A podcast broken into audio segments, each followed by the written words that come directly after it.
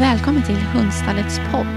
En podd där vi varje vecka fördjupar oss inom hundvärlden och om livet på hundstallet.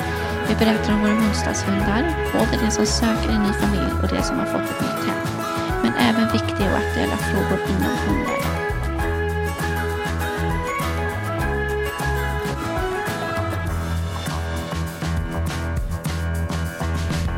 Idag så ska vi, jag och Carolina på Hundstallet ska prata med Irene Westerholm om just den här debatten nu som är, eh, ja men det är väl en ganska stor debatt kring just hur hundar kan, eller är de farliga? Väldigt mycket som vi ska försöka gå igenom, men jag tänker till att börja med Irene så får du jättegärna presentera dig, vem du är och vad du jobbar med.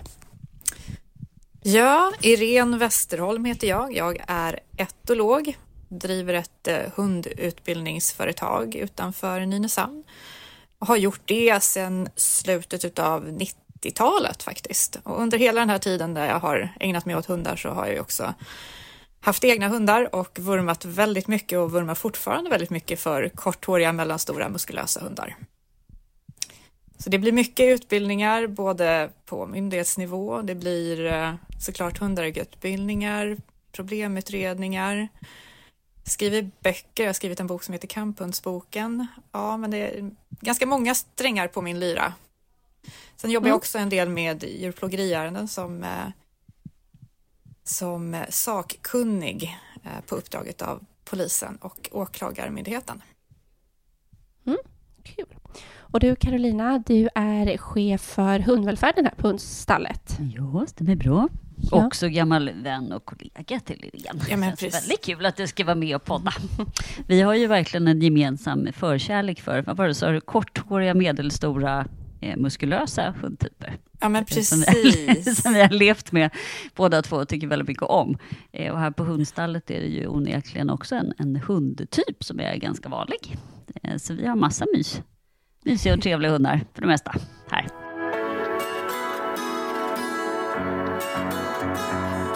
Jag tänker att vi ska gå in direkt på ämnet. Eh, för just nu så pågår det som sagt en debatt om, ja, men där det finns en oro kring tillsyn av hundar och om gällande den då lagstiftningen som vi har är tillräcklig för att skydda allmänheten då mot incidenter för, med hundar. Hur, om vi bara så här börjar generellt sett, hur ser ni på den debatten som är? Jag tänker att den är väldigt polariserad. Eh, och eh, ges inte riktigt mycket utrymme för eh, evidens överhuvudtaget och det är ju sorgligt för ska det tas några som helst beslut kring vår lagstiftning så behöver det byggas på just evidens. Jag håller med. Det, den här polariseringen den hjälper ju verkligen inte hundarna heller. Att det ändra är är det liksom stora nallebjörnar som aldrig kan göra en fluga för när, eller så är det fullständigt livsfarliga hundar som, som inte borde finnas. Och så enkelt är ju, och svart och vitt är ju inget någonsin, utan det finns alla möjliga eh, gråskalor som med allt annat. Eh, och det här är ju eh, hundar som för det mesta är supertrevliga och välfungerande, men det finns också tillfällen när det inte är så, precis som med eh, alla hundar. Eh, och att inte prata om det hjälper inte heller, tycker jag. Så att, eh, den där nyanserade, lite lugna tonen är ganska bra, tror jag, i de här debatterna, och det är det sällan. Mm. Mm. Och det är ju mycket som vi ser på hundstallet, just hundar som kommer in till oss som också, ja, men som vi märker är missförstådda, kan man väl säga, kring det. Absolut. Vi har ju ungefär 80 procent av de hundar som är uppstallade på hundstallet, är ju myndighetsomhändertagna. Eh, och, och, många av de eh, tillsynsärenden är ju hundar som har varit i helt fel sammanhang och inte fått eh, förutsättningar att, att liksom, eh, hur ska jag säga, utifrån hundens perspektiv så har de löst situationer eh, på sitt hundsätt, men man har inte haft något stöd och hjälp av, av människor runt omkring. Mm. För att kunna liksom, ja, verka på ett sätt som blir säkert för samhället. Och det är så himla, himla sorgligt. Dessutom så är det ju jättestora kopplingar till djurskyddsbrister. Vi har ju i princip inga tillsynsärenden där det är några hundar som har haft det bra och mår bra, utan det är djurskyddsärenden i de här tillsynsärendena också. Det är superviktigt att komma ihåg. Eh, att det är hundar som, som ofta har farit illa eller i alla fall har eh, väldigt dålig uppfödning bakom. Eh, både i val av avelsdjur men också hur hundarna har haft det. Mm. Eh, så att ja, komplicerat. Verkligen.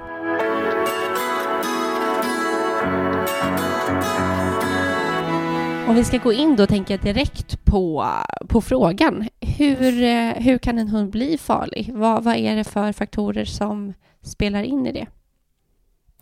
Ja, det är ju en väldigt, väldigt stor fråga. Det finns ju så otroligt många faktorer som påverkar, allt ifrån genetik till, till miljö. Och det går ju aldrig att skilja genetik och miljö ifrån varandra. Det påverkar ju lika mycket båda två. Så om vi börjar i den ena änden så har vi just eh, arvet som hunden har ifrån sina föräldrar och från tidigare släktingar också. Eh, och där sker det ju såklart en del bristande selektion, jag kanske inte ska säga såklart, men vi ser ju bristande selektion på föräldradjur, att man avlar på helt fel individer. Det här är ju också en väldigt komplex fråga, för då måste vi också fråga oss hur ska våra hundar anpassas till den miljö som vi erbjuder idag? Därför att den genetik som har gett en välfungerande hund för ja, men bara ett gäng decennier sedan är ju kanske inte densamma idag eftersom vårt samhälle har förändrats så extremt mycket. Så just selektion av avelsdjur är ju faktiskt en viktig fråga i det här. Hur, hur ska vi selektera för hundar som ska kunna fungera så bra som det bara går och må så bra som det bara går i dagens samhälle? Och samtidigt så tittar vi runt omkring oss och ser att det finns ingen selektion alls, inte ens för, för hälsa. Eh, få, ja, avla fram hundar med, med ja, bra hälsa. Det, det stor, finns ju stora brister redan där. För att inte tala om just mentalitet. Ehm, det är ju en faktor. Jag vet inte om du vill säga något mer där, Carolina? Nej, men jag tänker värt att, att lägga till är att vi ser så, vi har en ordentlig ökning av hundar i samhället, vilket innebär också att, att eh, det finns en stor okunskap kring vad hundar vad ska en hund liksom klara av? Jag tänker på det mm. du säger om hur, eh, hur, det är svårare och svårare att vara hund idag. Har man dessutom en, en eh, men ganska liten förförståelse kring hundars beteende och behov och vad de behöver och vad man kan förvänta sig av en hund. Och man kanske tänker att det här ska gå att klämma in i det här vanliga livet. Och så har man dessutom valt en hundtyp eller hundras som har men, ganska stora behov av stimulans på olika sätt eller ha med sig beteenderepertoar som kan ställa till det när man är på uteserveringar eller ska klimmas in på hunddagis eller vara med mm. på barnkalas eller vad det nu kan vara. Då blir det liksom extra problematiskt. Och, och, och, den här enorma ökningen av hundarna vi ser, det är ju möjligtvis en pandemieffekt att vi har ganska mycket färska hundägare. Absolut. Eh, och där man kanske inte har den där liksom genuina, man har inte haft hund och har liksom en rätt eh, idé om vilka förutsättningar som finns för det där livet man har tänkt sig, utan man bara kör in hunden och tänker att det här ska vi gå, nu ska vi ha en hund. Mm, mm. Eh, och det blir ganska struligt ibland beroende på vad det är för hundtyp man har skaffat.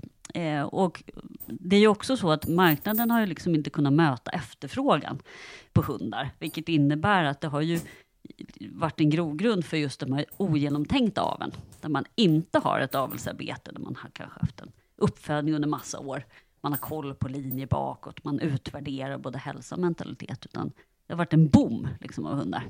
Det går ju in lite på, säg just med pandemin och det är många nya hundägare, mm. eh, att man inte tillräckligt, har inte tillräckligt med kompetens kanske för vad alla hundar behöver. Eh, skulle det kunna vara kopplat till debatten nu kring att det är farliga hundar, att det är många hundar som är missförstådda helt enkelt? Jag tycker mig ofta se att det är dålig matchning mellan hund och ägare.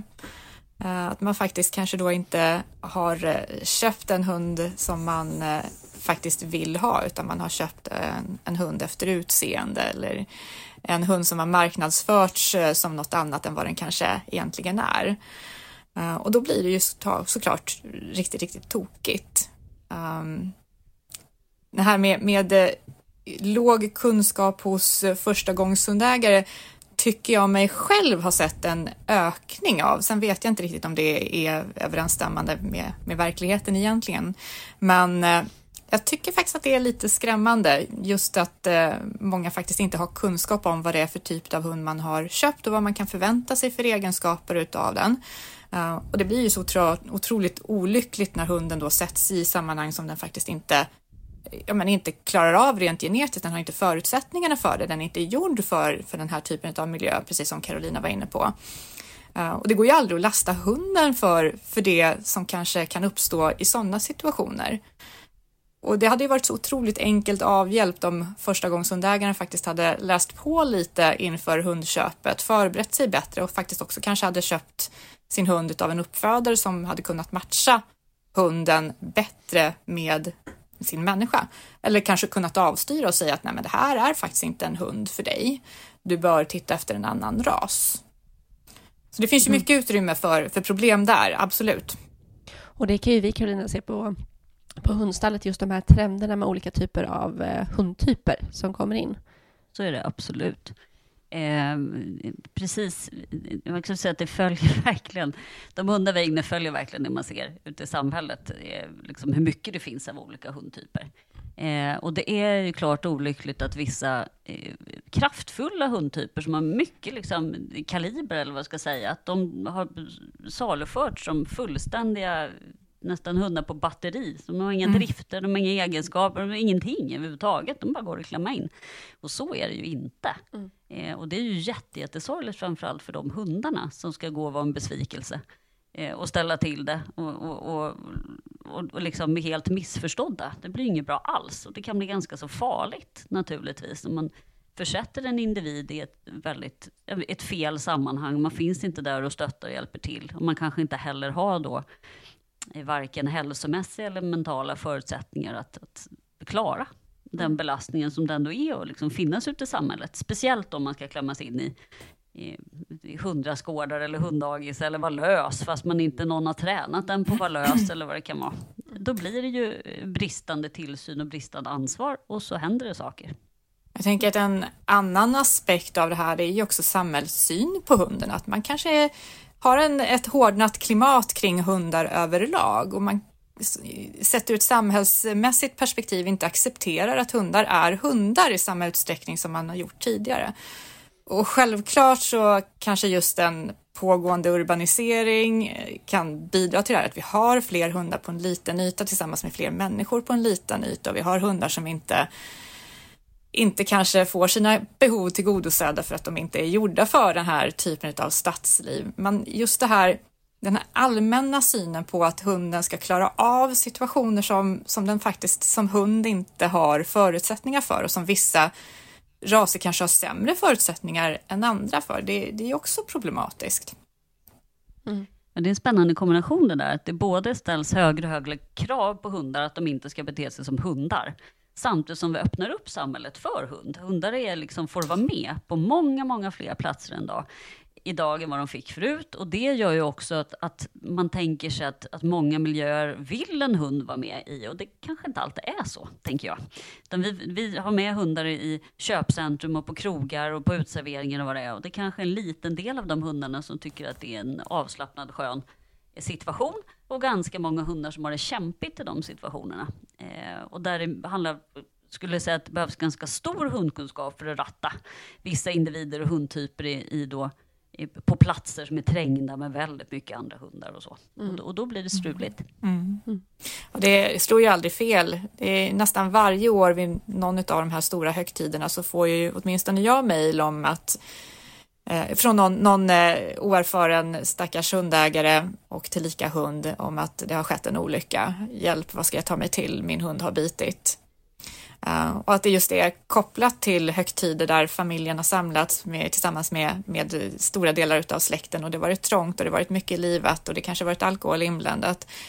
Och det, det finns inte kanske den där förståelsen som du är inne på Caroline, att det här inte är miljöer som, som en, en hund egentligen ska kunna klara av. Det finns individer som gör det, absolut, men det är allt för många som förutsätter att hunden ska klara av den typen av situationer. Ehm, och då blir det ju återigen olyckligt för hunden och omgivningen.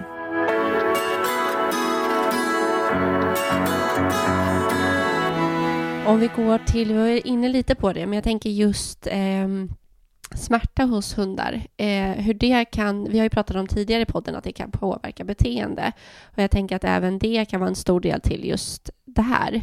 Hur, hur kan vi se sambandet där? Man kan väl säga att hos många av de hundtyper som är uppe för debatt nu så är det ju ett ganska katastrofalt hälsoläge. Eh, det är ju väldigt sällan vi eh, besiktigar eller gör veterinärundersökningar på hundar som har kommit in som tillsynsärende där de är friska och krya, utan det finns stora problem hälsomässigt som är kopplat till just en, en oseriös avel eller en, en avel som inte utvärderas.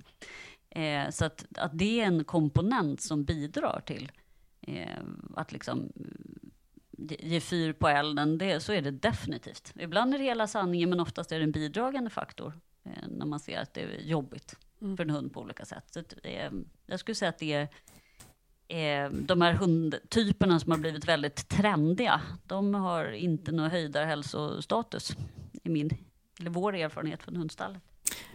Ja, jag kan ju inte annat än hålla med. Både när det gäller hundar som är renrasiga och eh, blandraser så ser jag en stor andel med, med klådaallergier som är direkt synlig på hunden.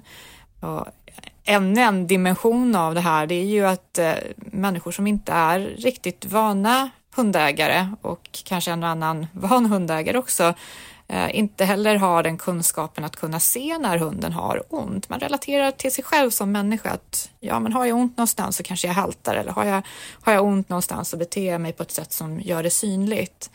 Men missar att hundar faktiskt som hundar eh, inte förmedlar smärta på samma sätt. Utan det vi kanske i många fall måste titta efter det är just beteendeförändringar. Börjar min hund eh, dra sig undan? Börjar min hund göra utfall på promenaden? Börjar min hund bete sig på ett sätt som jag inte känner igen? Att det alltid är en indikation på smärta. eh, möjlig smärta. Men sen kan det vara mer diffust än så. Man kanske faktiskt bara ser att min hund börjar bli lite mer lättstressad. Och det kan också vara en indikation på smärta. Man får inte tänka sig att smärta ska vara någonting som är synligt för ögat alla gånger. Så jag tror att det är otroligt många fler hundar här ute som har ont och beter sig därefter, blir mer lättretliga, stingsliga, har lättare till att, att faktiskt säga ifrån uh, än vad vi tror. Jag eh, håller helt med. Jag tänker också när man pratar om en, en, eh, liksom kamphundsgruppen, då, eller vad vi ska kalla den för, så är ju de ännu lite lurigare ibland tycker jag, att läsa av. Det, det, det, är inte hundar som, om man ska vara generell, skriker rätt ut när någonting är fel eller eh, haltar, utan snarare beteendeförändringar som är att det är lite mer liksom energi eller det är lite mer stress kanske jag ska säga. Eh, man ligger på lite mer, det blir lite större reaktioner. Och de kan vara ganska svåra för en veterinär också eh, att, att få liksom smärtindikationer om det inte är en akut, liksom, vi har dragit ett korsband eller något sånt där. Mm. Men, men annars så kan det vara mycket, mycket små, små signaler som att man andas lite annorlunda eller chippar efter, liksom står still en någon, liksom nanosekund och där, ah, nu är det någonting. Eh, och där så är det oftast värdefullt tycker jag att våra, våra hundskötare ofta med vid, vid veterinär och kan liksom läsa av och säga att nu är det någonting. För det är inte helt plättlätt. Så det, det, är en lite lurig typ, mm. tycker jag. Ja, och jag tänker om vi går tillbaka till, eller går tillbaka, vi, om man ser till debatten där så är det ju många, ja, flera av våra grannländer och även länder i Europa som har valt att införa rasförbud. Eh, det här har ju också skett eh, historiskt att eh, raser har blivit förbjudna tidigare. Eh, hur ser ni på just det här att eh, de har valt att göra så? Vad tror ni att det kan leda till? Du tänker på våra grannländer runt omkring oss. Precis. Ja, jag tror att det i många fall är ett, eh, ska vi säga, lite för enkel lösning på ett stort problem. Um, populistiska beslut, det räcker med att vi tittar över gränsen till Norge för att se att rasförbudens eh, start där i början av 90-talet inte berodde på några olyckor med just förbjudna raser involverade. Norge hade absolut eh, olyckor med dödlig utgång med hund. Eh, men de två raser man valde att förbjuda under 90-talet eh, var inte utav de raserna som faktiskt ställt till det för sig. Vilket förklarades i norska medier eller norska från norsk lagstiftnings eh, sida med att man ville motverka dålig hundhållning och motverka ett eh, begynnande eller potentiellt problem. Eh, tyvärr blir ju det ett slag i, i luften, men kanske lagstiftar mer för att göra människor trygga eftersom ett medialt problem bevisligen importerades från andra delar av världen. Men det fanns ju ingenting, kommer inte finnas någonting, eller jag ska rätta mig själv där, det, det finns ju ingen evidens för att bitolyckor eh, minskar varaktigt med hjälp av att förbjuda raser, utan eh, en temporär minskning, men sen kommer ju den här kategorin av människor som faktiskt vill ha sin hund till att skrämmas eller tycker sig ha behov av en hund som kan vara farlig, de kommer ju vända sig till andra raser. Det här är ju ett mm. otroligt mångfacetterat ämne också som ja, man, man, skulle behöva beskriva det från så många olika synvinklar eh, och titta på så många olika länder, men, men vi kan i alla fall generalisera och säga att det är inte så enkelt att få ner bettstatistik varaktigt eh, som att förbjuda raser, tyvärr. Hade det varit en enkel lösning hade jag ställt mig bakom det. Mm. Jag tänker också på dem, eh, just när det sker sånt här förbud eh, för hundraser eller hundtyper, just de hund, eller hundägarna och hundarna då som eh, ja, men där man har köpt den typ av hund som då blir förbjuden. Vad, vad är det som händer då med de hundarna? Ja, det vi ser just nu i, i eh, Storbritannien det är ju att, att eh, människor mm, lämnar in sina hundar till olika hundstall helt enkelt gör sig av med sina hundar. Och att också veterinärer behöver, eller de rapporter vi har fått från, från systerorganisationer är att veterinärer också står och tvingas avliva fullt friska hundar på grund av att de tillhör en viss hundtyp. För att man som ägare inte känner att man klarar av att, att liksom ha kvar hunden. Det finns ju övergångsregler och restriktioner och annat, om jag har förstått saken rätt, som gör att man inte på något vis ska behöva gå och avliva sin hund. Men det är ju en, en eh, det är ett helt annat typ av hundägande. Mm. Eh, och det verkar inte alla vara eh, liksom, ja, beredda på. Eh, men det blir ju enormt rättsosäkert. Jag tror att det var du som sa det, Irene, tyckte det var så roligt, att det finns inte så mycket pitbulls kvar, för det är bara bullies. eh, och, eh, så. Och, och, det kan väl också känna att allt heter bullies just nu, till exempel. Det, och vad är det då? Det är ju en väldigt, väldigt rättsosäker situation när man inte ens vet vad det är man har framför sig. Det är olika blandraser med inslag av muskulösa, korthåriga, medelstora hundar som helt plötsligt heter någonting. Och det blir väldigt, väldigt, det blir liksom omöjligt att lagstifta ett förbud kring ett visst utseende. För mm. det blir ju jätte, jätteläskigt. Man kan ju få till, eh, man kan mixa olika hundtyper som, som inte har bullis i sig och få något liknande. Eh, så jag vet inte hur det ska gå till riktigt heller. Men just när det gäller rasspecifik lagstiftning eller BSL, Breed Specific Legislation som vi ofta kallar det, eh, så har ju olika länder valt olika sätt. Det finns ju allt ifrån länder som Carolina varit inne på som faktiskt förbjuder utseenden i syftet att faktiskt komma åt en hundtyp kanske snarare än en, än en ras därför att man märker som lagstiftare att det är svårt att definiera raser och rasidentifikationen är inte helt lätt. Det finns andra som eh, går på storlekar istället och belägger eh, vissa eh, hundar över en viss mankhöjd och en viss vikt med restriktioner och det har vi sett till exempel då i, i en del delstater i Tyskland. Och så finns det ju de som lagstiftar mot raser och där har vi ju såklart svårigheter med, med att identifiera raser och det är ju många lagstiftare som löser det med omvänd bevisbörda. Att det blir upp till dig som hundägare att faktiskt kunna bevisa att du har en hund som uppfyller de lagliga kraven och det är ju kan jag känna ganska så rättsosäkert återigen att jag måste bedyra min oskuld. Om vi kollar på eh, hur det ser ut i Sverige, vad, vad, säger, vad säger lagen här? Vi har ju haft en lagstiftning eh, mellan 1995 och 1997. Eh, då var det paragraf 19a. Jag tror att den ligger under paragraf 20 idag istället. Eh, en eh, lagtext som har förbjudit just innehav eller mm, som man då benämner det, och det är förbjudet att inneha eller genom avel fram uppbringa så kallade pitbullterrier som eh, då ska uppfylla fyra olika kriterier. 1997 togs just det här citatet så kallade pitbullterrier bort ur dåvarande paragraf 19a. Men kvar finns ju de fyra olika kriterierna för de hundar som fortfarande idag är förbjudna. Men vi har alltså idag ingen rasspecifik lagstiftning, vilket vi ska vara väldigt tacksamma över. Mm. Nu kan inte jag... Säga, vi har en vettig liksom, lagstiftning, för det, det, är ju faktiskt beteende och egenskaper som, eh, som eh, beskrivs och också ansvaret att inte medvetet avla för att en hund ska bli på det sättet. Mm. Och det är ju någonting som är väldigt liksom, eh, ja, gäller alla hundtyper och hundar. Vi vilket kanske... gör att det blir betydligt mindre rättsosäkert. Ja. Vi kanske ska dra de här olika kriterierna lite löst så att lyssnarna faktiskt hänger med. Jag har dem inte framför mig så jag kan inte riktigt eh, rabbla dem. Men... Ja, men idag så har vi ett förbud mot att inneha eller avla Mm. med vissa hundar då, som har vissa mm, egenskaper eller beteenden.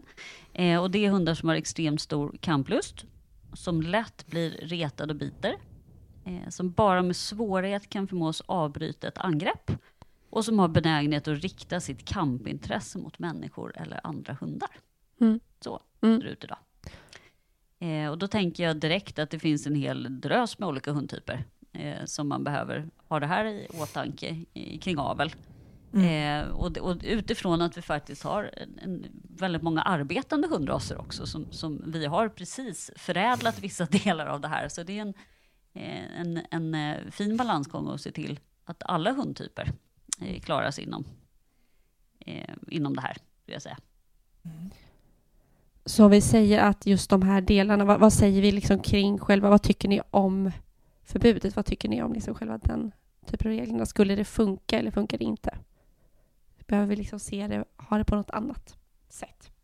Ja, jag har så svårt att svara på det egentligen eftersom jag eh, inte jobbar i den änden överhuvudtaget. Mm. Men uppenbarligen så finns det ju en del hundar som, som kanske inte skulle vandra på våra gator som gör det ändå. Men frågan är om det handlar om att vi har en lagstiftning som inte är fungerande eller om det är så att vi inte har resurser eller att det inte prioriteras sett ur lagstiftarens eh, eller myndigheters håll.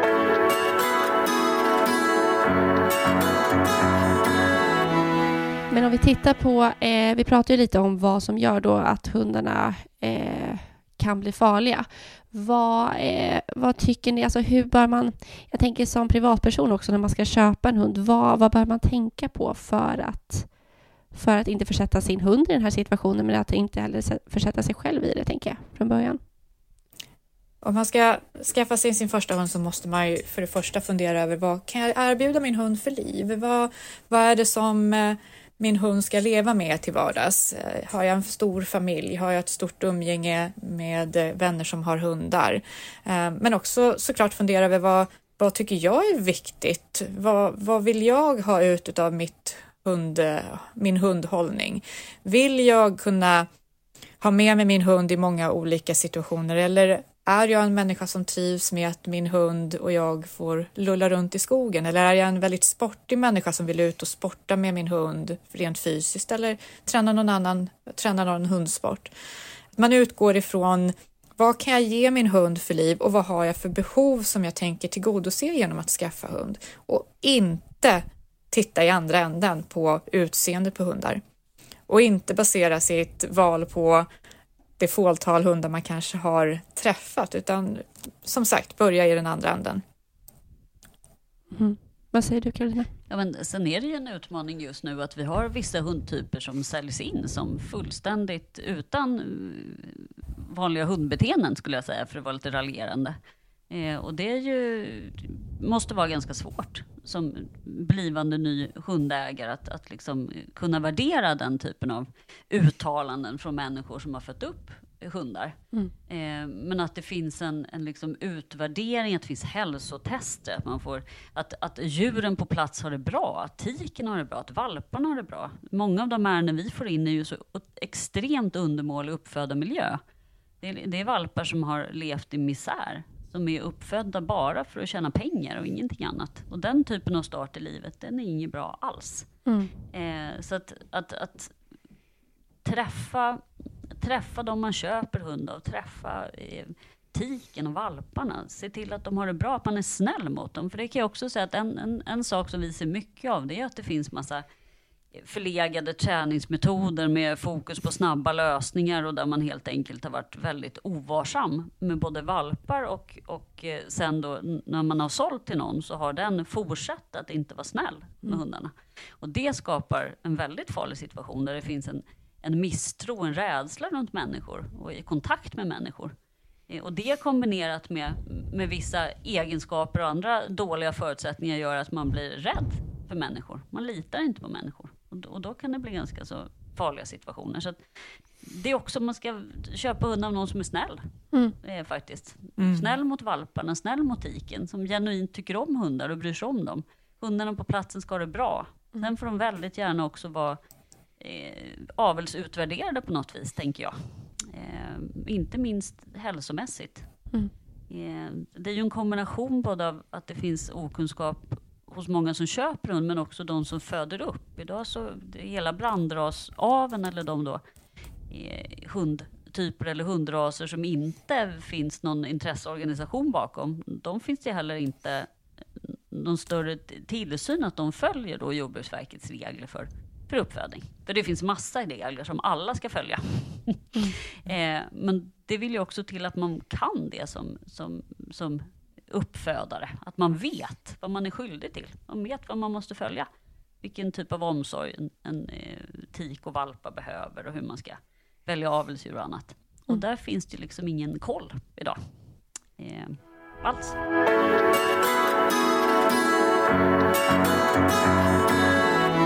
Om vi går tillbaka till det vi pratade om eh, från början. Just den här debatten vad, det har vi i och för sig kanske svarat på under det här samtalet, men jag tänker att vi ska sammanfatta det lite. Så här, vad vill ni lägga till i den debatten som ni inte tycker kommer fram just nu? Det är nog hundens perspektiv, tänker jag spontant. Alltså, det finns ju väldigt lite av, mm. av, av uh, hur det är att vara hund i den här sörjan. Allt från hur, hur, vad man har med sig genetiskt, till vad, vad man har för möjligheter och chans till mm. att bli en, en hund som mår bra och kan fungera bra. Och där är ju, det är ju den mänskliga faktorn som, faktorn som ligger bakom. Inte exakt vad det är för hundtyp eller hundras, utan det är ju liksom att skydda de här hundarna eh, från att fara illa snarare. Så ska man förbjuda raser, det vore ju i sådana fall liksom, ur något djurskyddsperspektiv. För att vi ser att många olika hundtyper far väldigt illa. För de attraherar fel typ av både uppfödare och, och människor. Eh, mm. Däremot så tror jag inte att jag tror att de hittar nya hundtyper och hundraser, dessvärre. Ehm, men, men det, är ju, det skulle jag tycka att man skulle lyfta med. Mm. Hundperspektivet. Nu är det lite som att hundar är, vissa hundar är farliga och elaka och ligger och eh, gör evil plans nätterna i ända. Vad de ska ställa till med dagen efter. Och väldigt lite fokus på hur deras liv ser ut, tycker jag. Mm. Ja, Vad tycker du, Jag, jag, kan ju, jag kan ju bara hålla med. Um, I övrigt så, som, som vi inledde det här samtalet med, så är det ju det är en väldigt snedvriden och polariserad debatt överlag. Det, det saknas eh, faktagranskning. Um, det är väldigt lätt att kasta ut åsikter eller uh, ja, just åsikter om olika raser, men man har väldigt dålig koll på just rasidentifikation i, i många utav de här fallen när man försöker underbygga sina påståenden. Det är svårt med rasidentifikation och när det gäller just hundar som ställer till med det så, så är det inte så att vi har någon tillförlitlig sådan att bygga vår fakta på. Mm. Och sen måste man ju också verkligen vara tydlig med att det finns ju incidenter som är fruktansvärt sorgliga. Alltså med människor som får hundar ihjälbitna eller blir attackerade. Och det, är ju, mm. det ska ju inte viftas bort på något sätt. Det är ju fruktansvärt när det sker. Så det här är ju mer en debatt kring hur man kommer åt det problemet. Eh, och, och, där varken hundstallet eller Irene, vad jag vet, tror att det är så enkelt som att man förbjuder bort vissa hundraser för att komma åt det. Men det är inte samma sak som att säga att det här inte kan vara ett problem och att det eh, inte skulle hända saker. Eh, för det gör det uppenbarligen. Och mm. det är ju alldeles fruktansvärt varje gång det händer någonting. Och, och jätteviktigt att man, man hittar ett sätt att, att skydda hundar från att hamna i de här sammanhangen. Det, det, det ligger på människan och inte på hundarna. Mm. Ja, det är klart viktigt att vi ser att det finns problem och att vi har människor som är rädda. Um, och vi behöver såklart hitta lösningar för att hantera den situationen som många upplever eskalerar. Tyvärr är ju inte rasförbud en del av den lösningen utan vi måste ju också se på vad händer i vårt samhälle? Varför har fel kategori av människor ett sådant stort behov av att ha hund? Hur kan vi faktiskt jobba i rätt ände där och jobba grundläggande? Det jag tycker är sorgligt med den här debatten är ju också att den föder en större rädsla äh, hos människor för hundar överlag. Just nu är det ju knutet till hundar med ett visst utseende. Men äh, tittar vi på hur det till exempel har gått i vissa delstater i, i Tyskland så där, som jag nämnde, där alla hundar oavsett ras även en viss vikt och mankhöjd faktiskt är belagda med restriktioner så går ju nu diskussionerna vidare kring att förbjuda också vissa hundsporter. Så tyvärr så är ju eh, att möta rädsla hos eh, vissa människor i samhället med förbud är ju en, en återvändsgränd. För när det inte fungerar så är man tvungen att förbjuda mer och när det återigen inte fungerar så måste man förbjuda mer. Och då är vi tillbaka till det här konstaterandet att ja, ska vi, ska vi kanske sikta på ett samhälle utan hundar eller där hundar inte får vara hundar, då mister vi ju så otroligt mycket. Vi får inte glömma just den nytta som våra hundar faktiskt gör i, i samhället. Allt ifrån att hjälpa barn till att faktiskt vilja vara i skolan igen, till att, att ge livsglädje hos eh, personer som, som eh, är, ligger i, inför döden. Livsglädje inför döden kanske var väldigt tokigt uttryckt, men eh, ge livsglädje hos personer som faktiskt är väldigt sjuka eller på demensboende till exempel. Um, och det, det, jag tror att vi glömmer att människan faktiskt också behöver vara hundens bästa vän. Mm. Bra sista ord tänker jag och Tycker avsluta. jag med. Grymt sista. Verkligen. Stort tack till både dig Carolina och Irene för att ni var med och gästade podden.